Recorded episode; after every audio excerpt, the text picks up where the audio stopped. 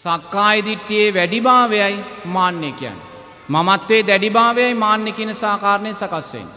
ඉතින් මාන්නෙන් අපි මිදෙන්න නම් නිරේතුරුවම රූපේ අනිත්‍යභාවය අපි වඩන්න ඕන පෙන්තු. එහෙම නැත්තම් පටිච්ච සමුප්පන්නව අපි මේ ජීවිතය දකින්න ඕන. පටිච්ච සමුප්පන්නව ජීවිතයේ දකින කෙනා මෙතන මමය කියලා සංඥාවක් එයා ජීවිතය තුළින් ගන්නෙ නෑ. මාන්‍ය ඇතිකරගන්නේ කුමක් නිසාද රූපය කෙරෙහි ඇතිකරගන්නා වූ මමත්වේ දැඩිභාවය නිසා. වේදනාව කරේ ඇතිකරගන්නා වූ මමත්වේ දැඩිභාවය නිසා. සංඥාව චේතනාව විඤ්ඥානය කරේ ඇතිකරගන්නා වූ මමත්වය දැඩිභාවය නිසා. එනිසා මමත්වේ මාන්‍යය කියන කාරණය බැහැර කරන්න නං අනිවාර්යෙන්ම පිංහතුනේ තමන් රූපේ අනිත්‍යභාවය විදර්ශනාවට ලක් කරන්න ඕන.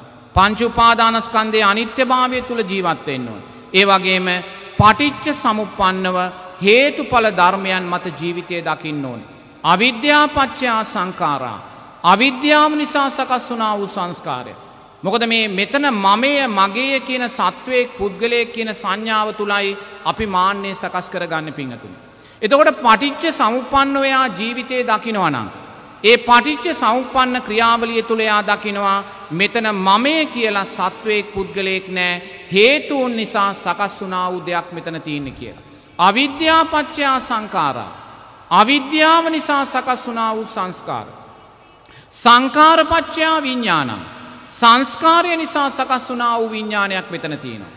මේ අවිද්‍යාවත් සංස්කාරයක් අතර සත්වයෙක් පුද්ගලය අපි දකින්නේ නෑ හේතු පලධර්මයක්. සංස්කාරපච්චයා විඤ්ඥානං සංස්කාර නිරෝධා විඤ්ඥාන නිරෝධෝ. සංස්කාරයත් විඤ්ඥානයක් අතර අපි සත්වයෙක් පුද්ගලයෙක් දකින්නේ නෑ. එතොට සංකාරපච්චයා විඤ්ඥානං කියන මොකක්ද දැන් අපි හිතමු මේ මහත්තයා මෙතන ඉන්නවා. මේ මහත්තයාට ගිය ජීවිතේ මනුස්සෙක් මේ මහත්තයා. මේ මහත්තයා ගිය ජීවිතේ අවුරුදු අනුවක් ඉතර ජීවත් වෙලා මේ මහත්තයා මැරෙන මොහොත එනවා. මැරෙන මොහොතෙදී අවසාන චුතිසිත සකස් වෙනවා. අවසාන චුතිසිත කියන්නේ මොකක්ද විඤ්ඥානය. විඤ්ඥානයේ අවසාන චුතිසිත සකස් වනේ කුමක් නිසාද සංස්කාර රැස්කරපු නිසයි. සංකාරපච්චයා විඤ්ඥානම්. සංස්කාර නිරෝධා විඤ්ඥාන නිරෝධෝ. සංස්කාරයත් විඤ්ඥානයත් අතර සත්වයෙක් පුද්ගලය කිටියද හේතු පලධර්මය. සංස්කාරපච්චයා විඤ්ඥානං විඤ්ඥානපච්චයා නාමරූපන්. එතොට සංස්කාරපච්චයා විඤ්ඥානය කියන්නේ සංස්කාරයන් නිසා විඤ්ඥානය අවසාන චුතිසිත සකස් වුණා. මේ අවසාන චුතිසිත විඤ්ඥානපච්චයා නාමරූපන්. විඤ්ඥානපච්චයා නාමරූපන් කියන්නේ මොකක්ද ඒ මොහොතේ. මේ මහත්තයාගේ මේ ජීවිතයේ අම්මාගේ මවකුසේ කලල රූපයක් තියෙනවා. ඒක ජීව විද්‍යාත්මක දෙයක්. මේ අම්මාගේ මවකුසේ පැලෝපියනාලේ තියෙන කලල රූපෙට මේ විඤ්ඥානය ඇවිල්ලා බැසගන්න. විඤ්ඥානය ඇවිල්ල කලල රූපෙට බැසගත්තට පස්සේ මෙච්චර වෙලා පාවිපාවි තිබ මේ මස්කෑල්ල දැන් ගැහෙන්න පටන් ගන්න. ගැහෙනවා කියන මොකක්ද කාය සංස්කාර සකස් වෙනවා. අපේ මේ පපුුව ගැහෙනවා වගේ මේක ගැහි ගැහි දැන් තියෙන්නේ. විඤ්ඥාන පච්චයා නාමරූපන්. විඤ්ඥානය සකස් වුන නිසා නාමරූපයන් සකස් වුණා.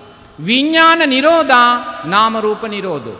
එනම් විඤ්ඥානය සකස් වුනා ඊට අදාළව නාමරූප සකස් වුනා. ඊළඟට බුදුරජන් වහන්සේ කියනවා නාමරූප පච්චයා සලායතන.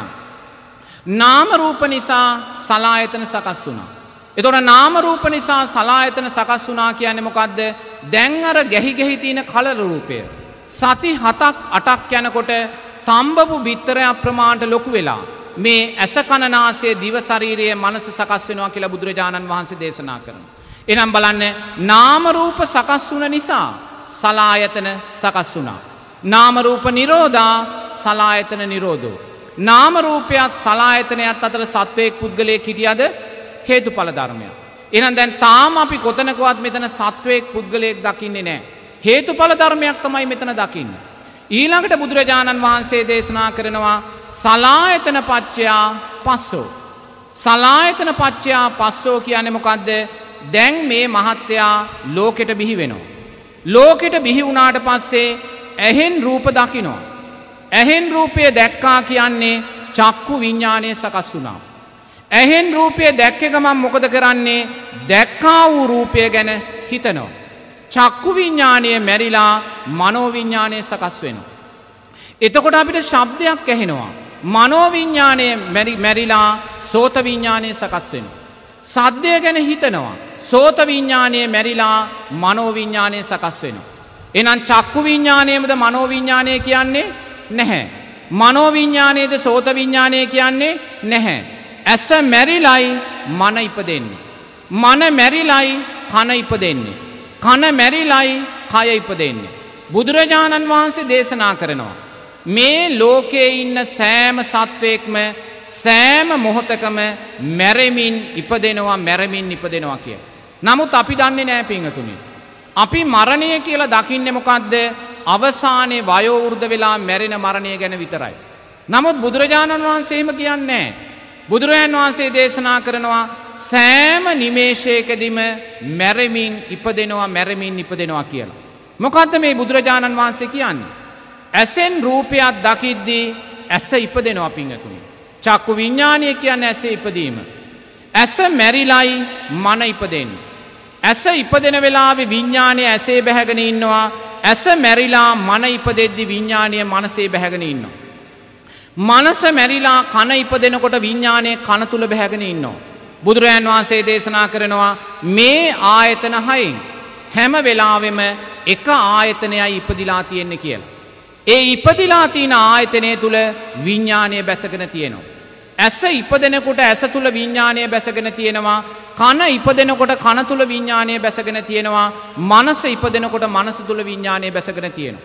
මේ ආයතන හය හරහා ඇතිවෙමින් නැතිවෙමින් මැරමින් ඉපදමින් මේ විඤ්ඥානය ගලාගෙන ගිහිල්ලා මේ ජීවිතයේ මේ මහත්තයා මැරෙන වෙලාවට අවසාන චුතිසිත හැටියට මනෝවිඤ්ඥානය සකස් වෙලා ඊළඟ ප්‍රතිසන්දියට යනවා පිංහතුන්.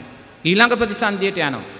එනම් බලන දැම් විඤ්ඥානය එකම විඤ්ඥානයක්ද මෙතන තිබ්බේ ඇතිවෙමින් නැතිවෙමින් මැරමින් ඉපදෙමින් ගලායන්න වූ විඤ්ඥානය. මෙහෙම ගිහිල්ලා මේ ආකාරයෙන් දකිනකොට මේ රූපය තුළ මමය කියල ගණ සංඥාවක් අපි දකින්නේ නෑ. හේතුන් නිසා සකස් වුනා උදයක්.